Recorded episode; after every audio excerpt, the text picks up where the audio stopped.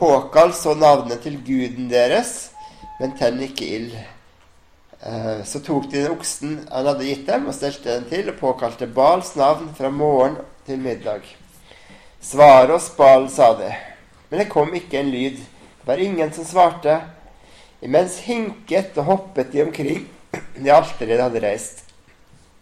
Da det var blitt middag, hånte Elia dem og sa, Rop høyere, han er jo Gud.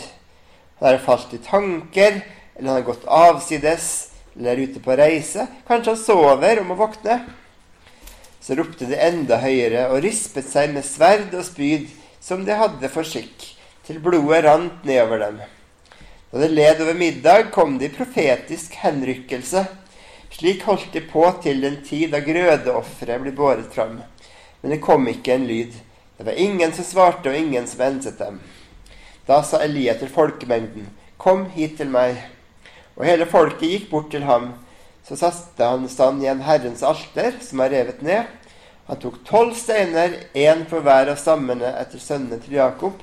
Han som Herren hadde talt, til, talt dette ordet til, Israel skal være ditt navn.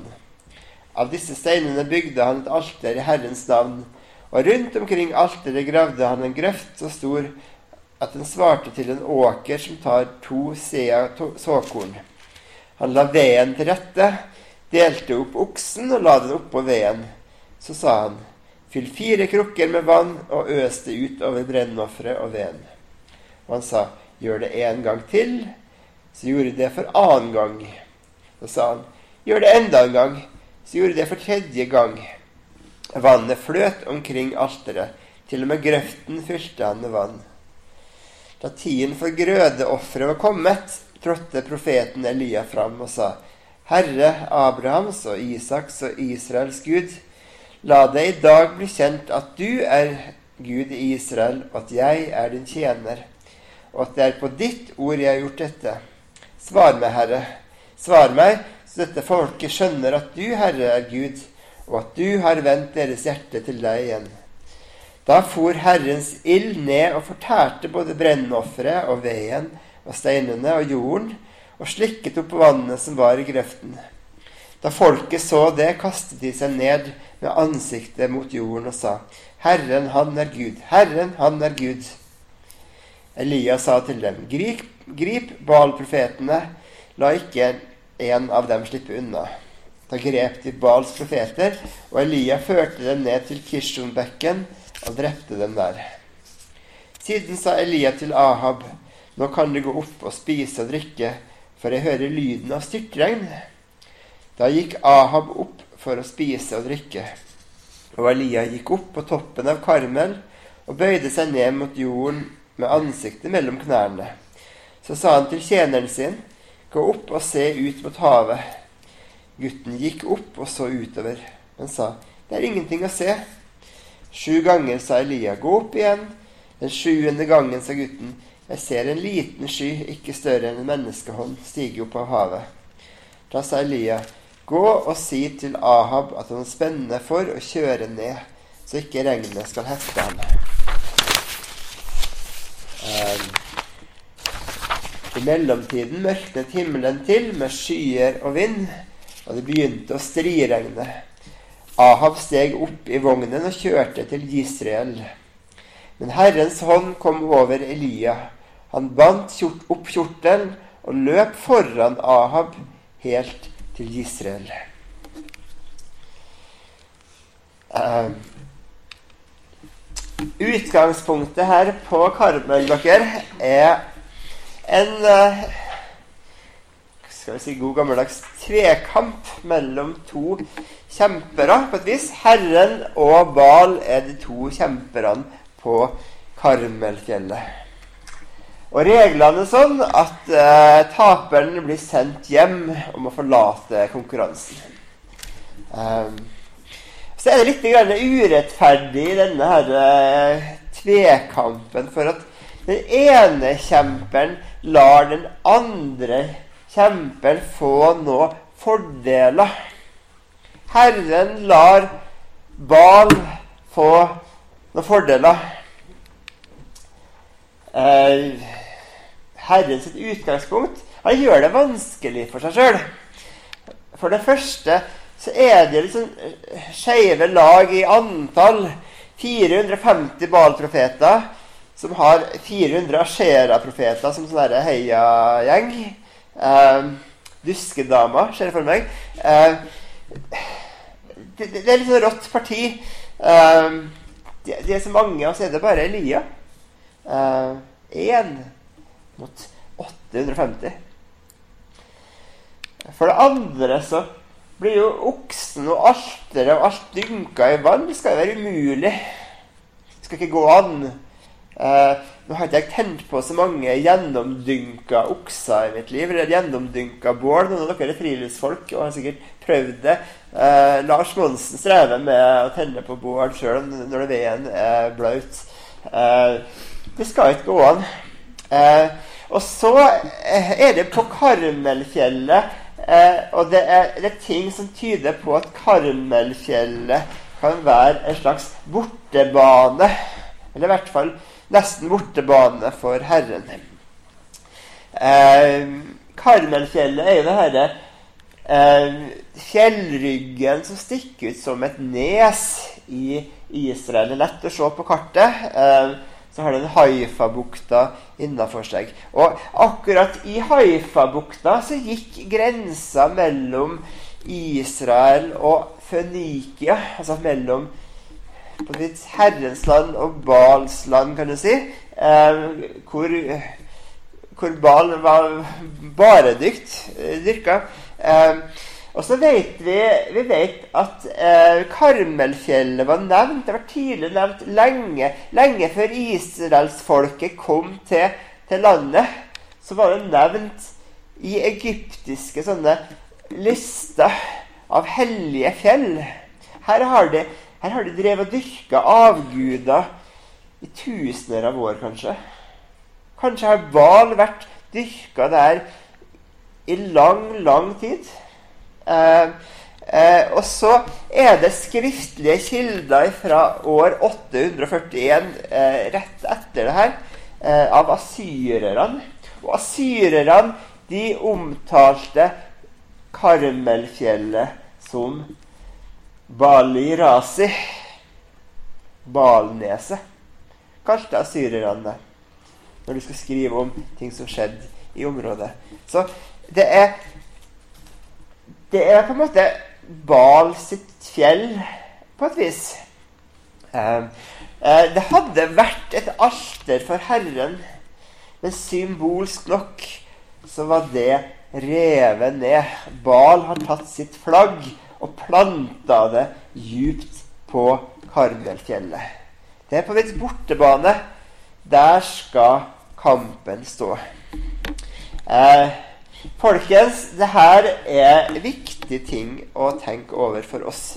For det første antallet motstandere har aldri vært et problem for Gud. Om du er aldri så alene som kristen på arbeidsplassen eller fotballag eller hvor du er Det er ikke noe problem for Gud. Eh, antallet har ingenting å si. Om alle i Norge står for noe som Bibelen sier er galt, så er ikke antallet et problem for Gud. Eh, og Det er ingen hinder som er umulig for Gud. Eh, når Gud kunne tenne på ved som var dynka i vann Folkens, det er aldri, så, det er aldri en situasjon som er der noe er umulig for Gud. Og det er ingen bortebane for Gud. Det finnes ingen bortebane for Gud. Eh, jeg har vært med disippelklassen på bildet i lokallags... Lokalene til Human-Etisk Forbund i Bergen. Og vi hadde samtaler om tro og sånn. Det, det, er ikke bortebane. Moskeen er ikke bortebane.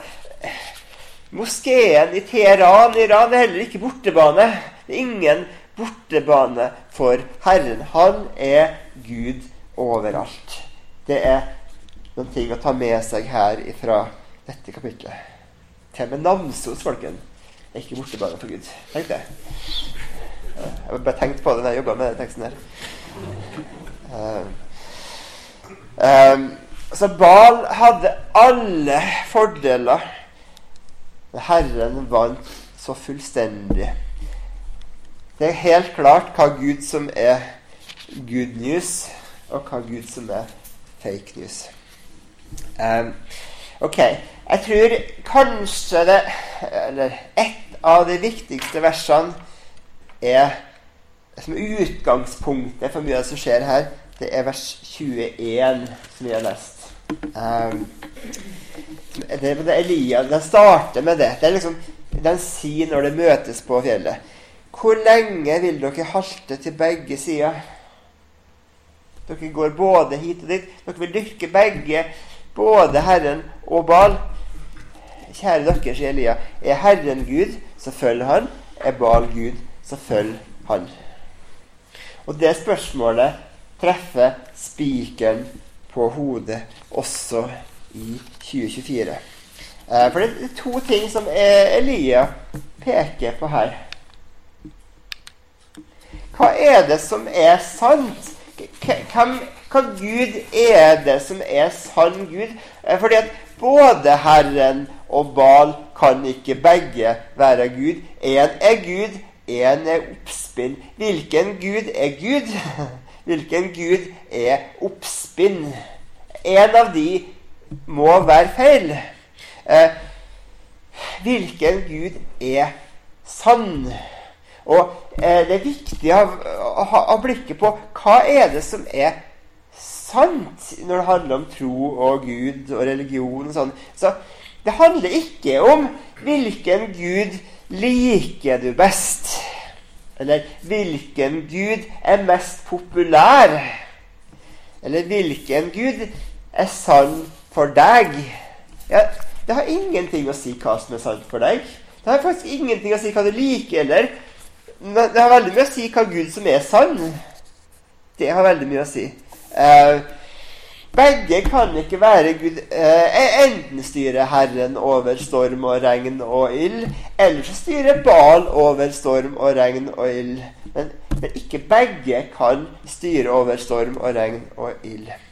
Eh, i dag så er veldig mange opptatt av hva vi liker. Det som jeg liker, det holder jeg for å være sant. Uh, jeg, synes det er veldig, jeg liker tanken på reinkarnasjon. Okay? Jeg tror på reinkarnasjon, for jeg liker tanken på reinkarnasjon. Nei, men, men, men, spørsmålet er hva er det som er sant? Oppsto Jesus fra grava eller ikke? Eh, kjempeviktig. Har det skjedd? Eh, det er helt likegyldig på om du liker det eller ikke. Det er, har det skjedd, så har det skjedd. Har det ikke skjedd, så har det ikke skjedd. Er Bibelen Guds ord? Eller er Bibelen ikke Guds ord? Det er likegyldig om du liker det, så står det eller ikke. Okay? Men er det, er det, Gud som har sagt det, eller ikke Gud som har sagt det? Det er det som er spørsmålet. Finnes det en fortapelse? Finnes det ikke en fortapelse? Om du liker fortapelsen okay? Ingen som liker fortapelsen, tanken om det. Men er det, er det fortapelse? Det er spørsmålet. Er det noe som er synd, eller noe som ikke er synd? Altså, om du liker det som er synd, har ingenting å si. Er det sant at det synd? Er det galt? Så er det galt. Uh, mange kjønn finnes? Altså, alt det Hva du liker, jeg har faktisk ikke så mye å si. Spørsmålet i Bibelen er hva er sant? Like aktuelt i dag. Andre spørsmålet her er hvem følger du? Du kan ikke følge både Herren og Bal. Du kan ikke ha i pose og sekk. Elia er tydelig på det. Ingen kan tjene to herrer. Samme som Jesus sa det, da. Eh, men både Bal, nei, ikke både Bal, både Elia og Jesus sa det samme. Du kan ikke tjene både Herren og avgudene. Herren er sjalu, Herren er nidkjær. Han vil ikke dyrkes sammen med andre guder. Det er Herren Gud sitt utgangspunkt. Hva er avgudene sitt utgangspunkt? Avgudene er helt annerledes. Avgudene sier Nei, det går helt fint å kombinere så lenge du tilber meg. Avgudene er omgjengelige, de er verken sjalu eller nidkjære. Du kan tro på akkurat det du vil, så lenge du dyrker dem.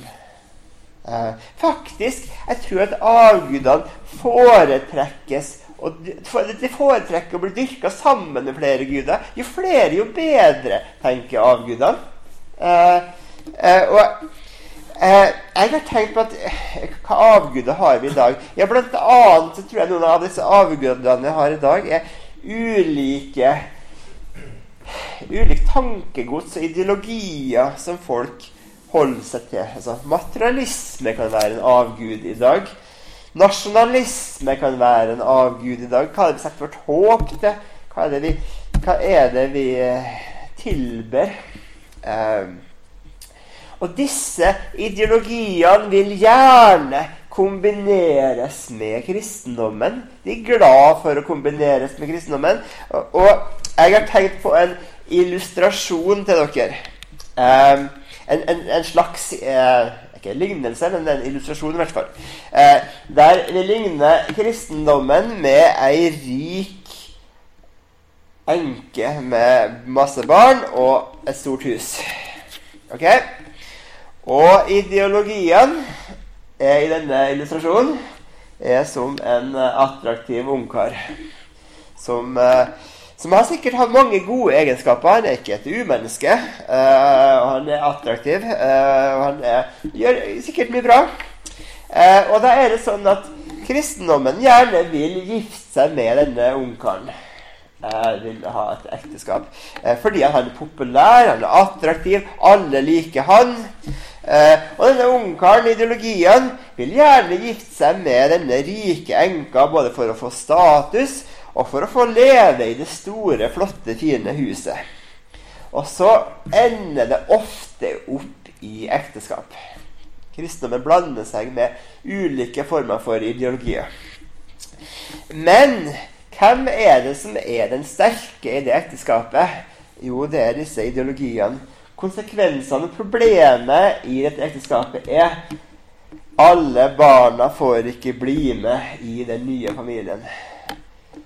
Uh, her er nye, nye mannen i ja, flott, men uh, her skal vi bo. Men dere får ikke være med her. Dere må ut.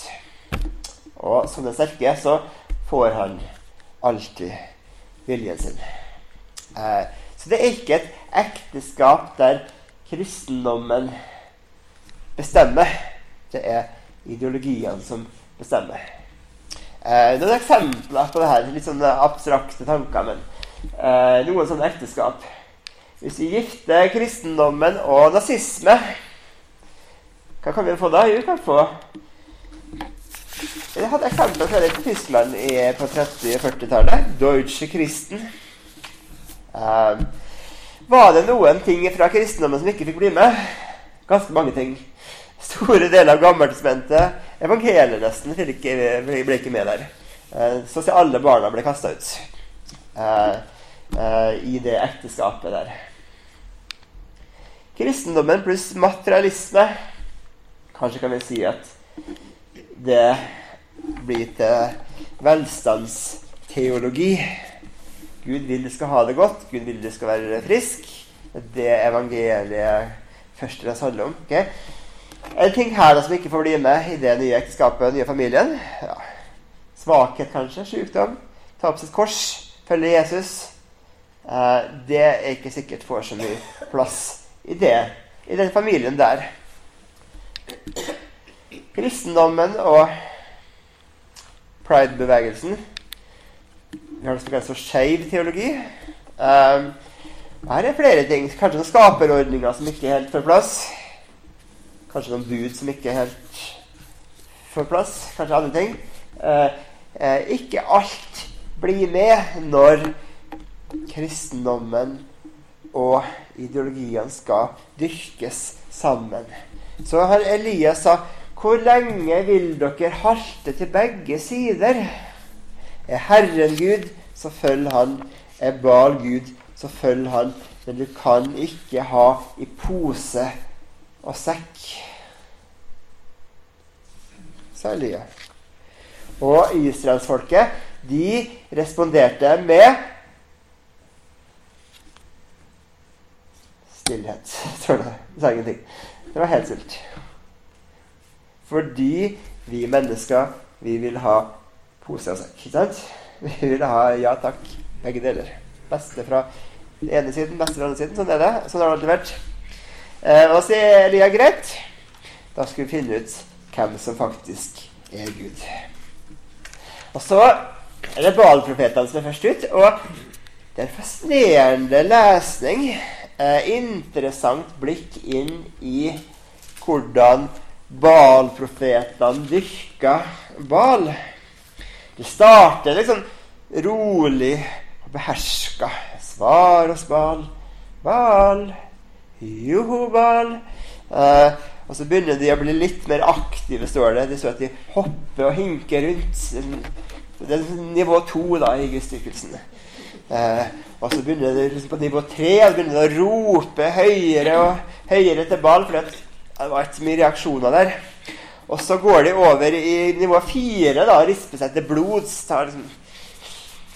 Og, og til slutt så står det at de går over i profetisk henrykkelse, i, i ekstase. De går helt over stokk og sten. Eh, så jeg tenkte Kanskje hadde Baal-profetene egentlig ganske veldig åndelige opplevelser der på fjellet. Kanskje Kanskje følte de Baal sitt nærvær i sitt hjerte. Hvem vet? Kanskje følte Baal sitt nærvær i fellesskapet. Det er godt å være her og tilbe Baal sammen med dere. Sa de kanskje til hverandre. Kanskje brant det, kanskje var de supergira. Men det kom ingen ild fra himmelen. Null og niks. Vers 29. Det kom ingen lyd. Det var ingen som svarte. Det var ingen som ensa dem. Det var ingenting der. Han bare hamra det inn. Her var det ingenting. Eh, og på en måte så kan vi si at det er litt sånn komisk i Det er noe komisk i det. Ser dere humoren i det? Eh, er det er det politisk ukorrekt å le av Baal-profeter i dag? Jeg spør dere.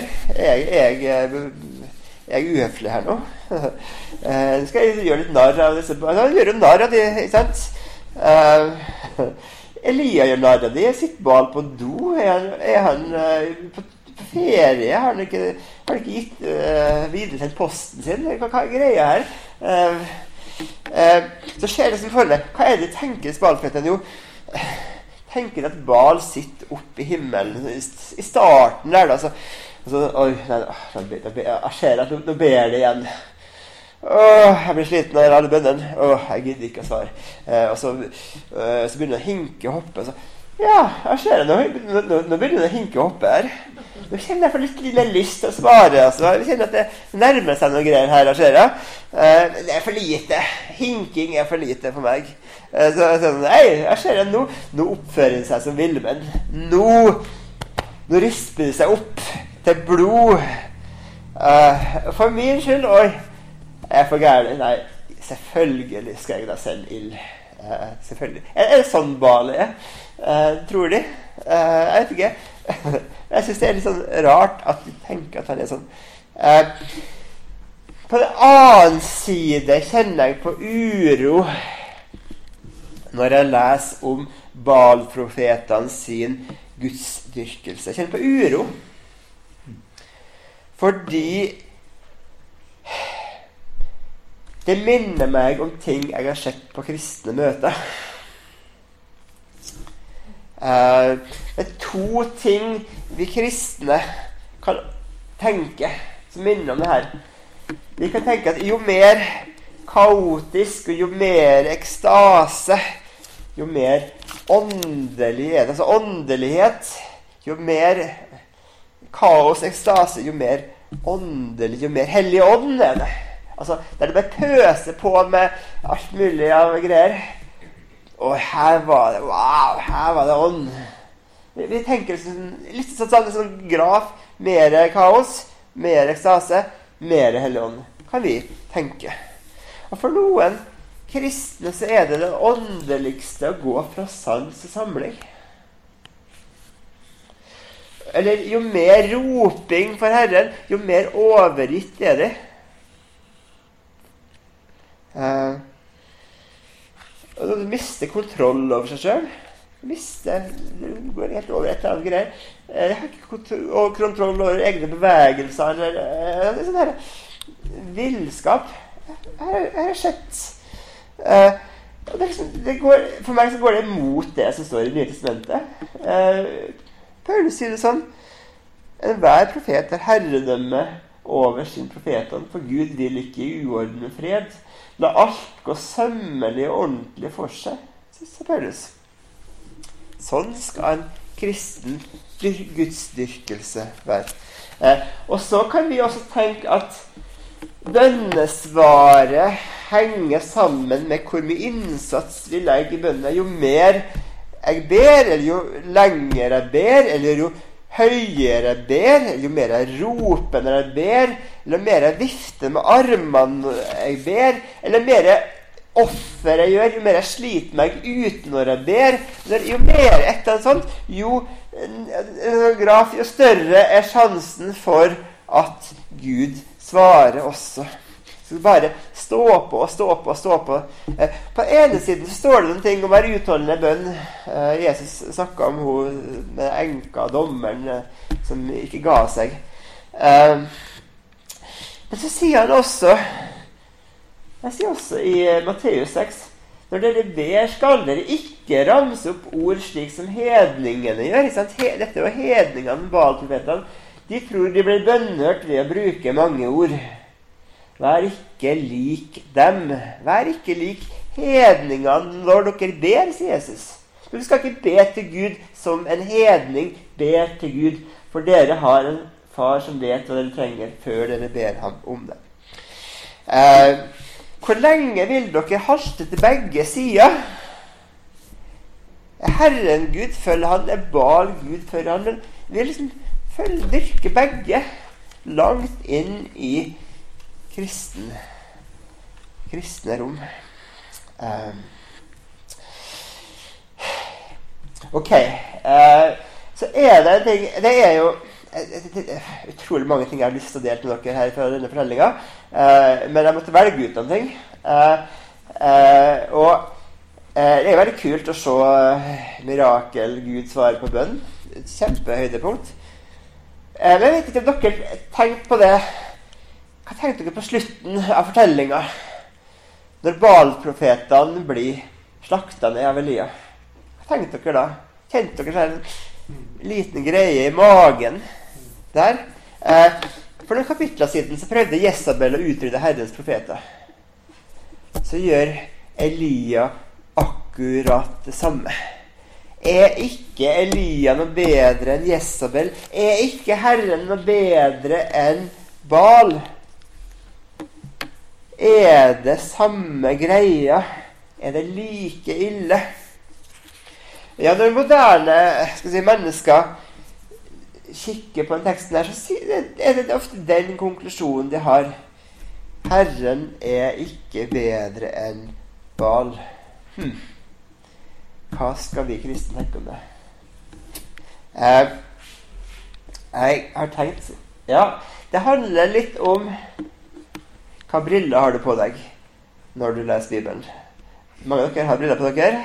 Eh, men vi må lese teksten igjennom noen ting når vi leser Bibelen, for å lese den på en rett måte. Det er to, i hvert fall to typer briller vi må ha på oss for å forstå teksten her rett.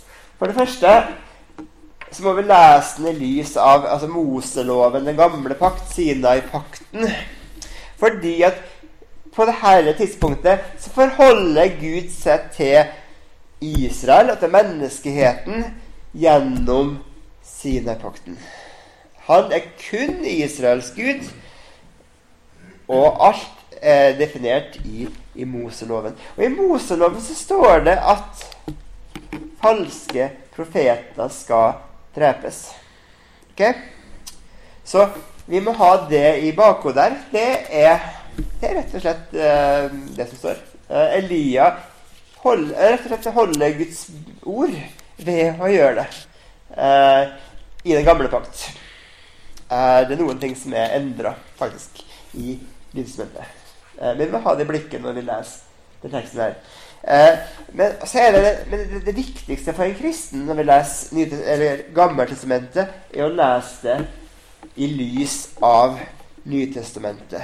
Eh, vi skal lese Gammeltestamentet profetisk i lys av først og fremst Jesus. Og hvor er Jesus hen her på Karmelfjellet? Uh,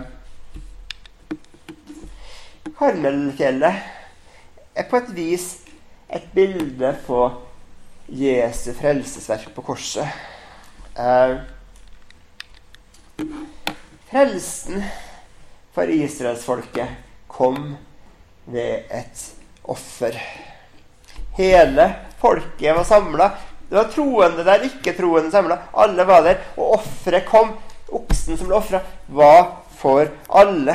Så jeg tenkte alle, her, her, var det mange mennesker som har fortjent Det er fortjent at Herrens ild tok de.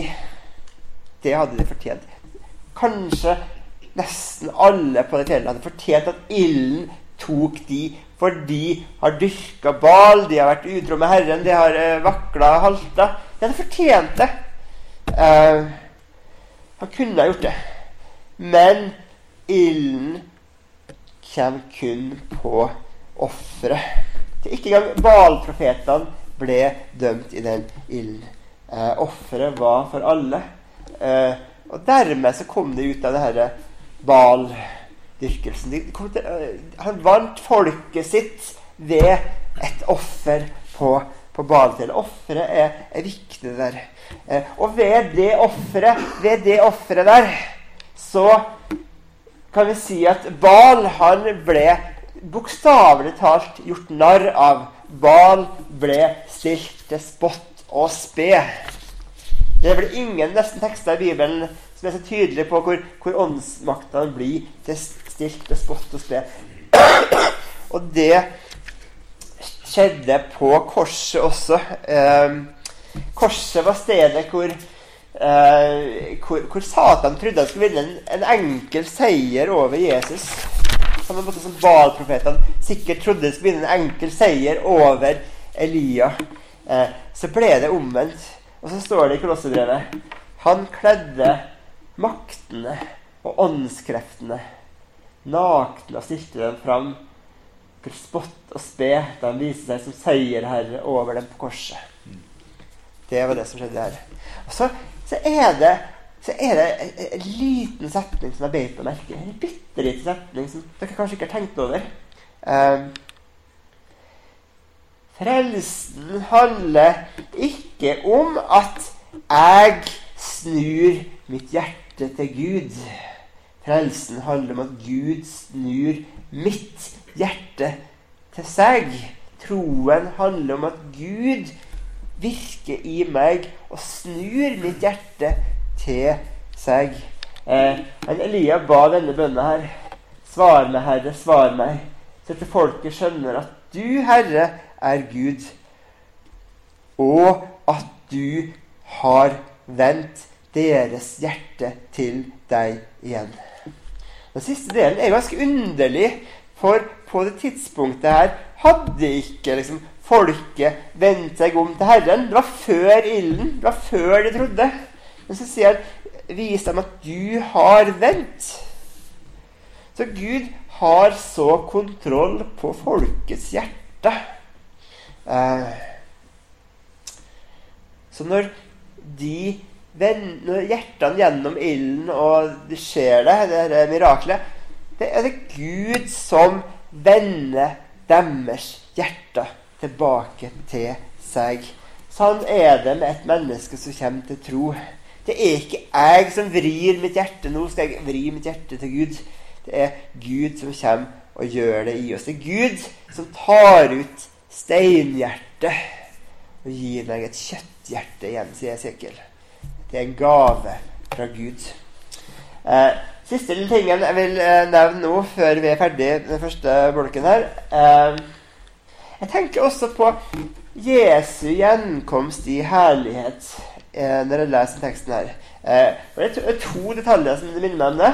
Eh, for det første så står det at hele folket, alle som var der, bøyde kne og bekjente to ganger at Herren er Gud.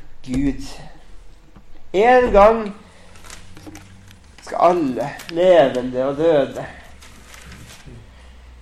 hvert kne skal bøye seg. Himmelen, på jorden, under jorden, på fjellet, på strømmer. Og hver tunge skal bekjenne at Jesus Kristus er Herre, til Gud Faders ære. Og det andre er eh, og Her kommer det inn det som skjedde på slutten. Eh, det skal komme en dom og død for de som har dyrka andre guder.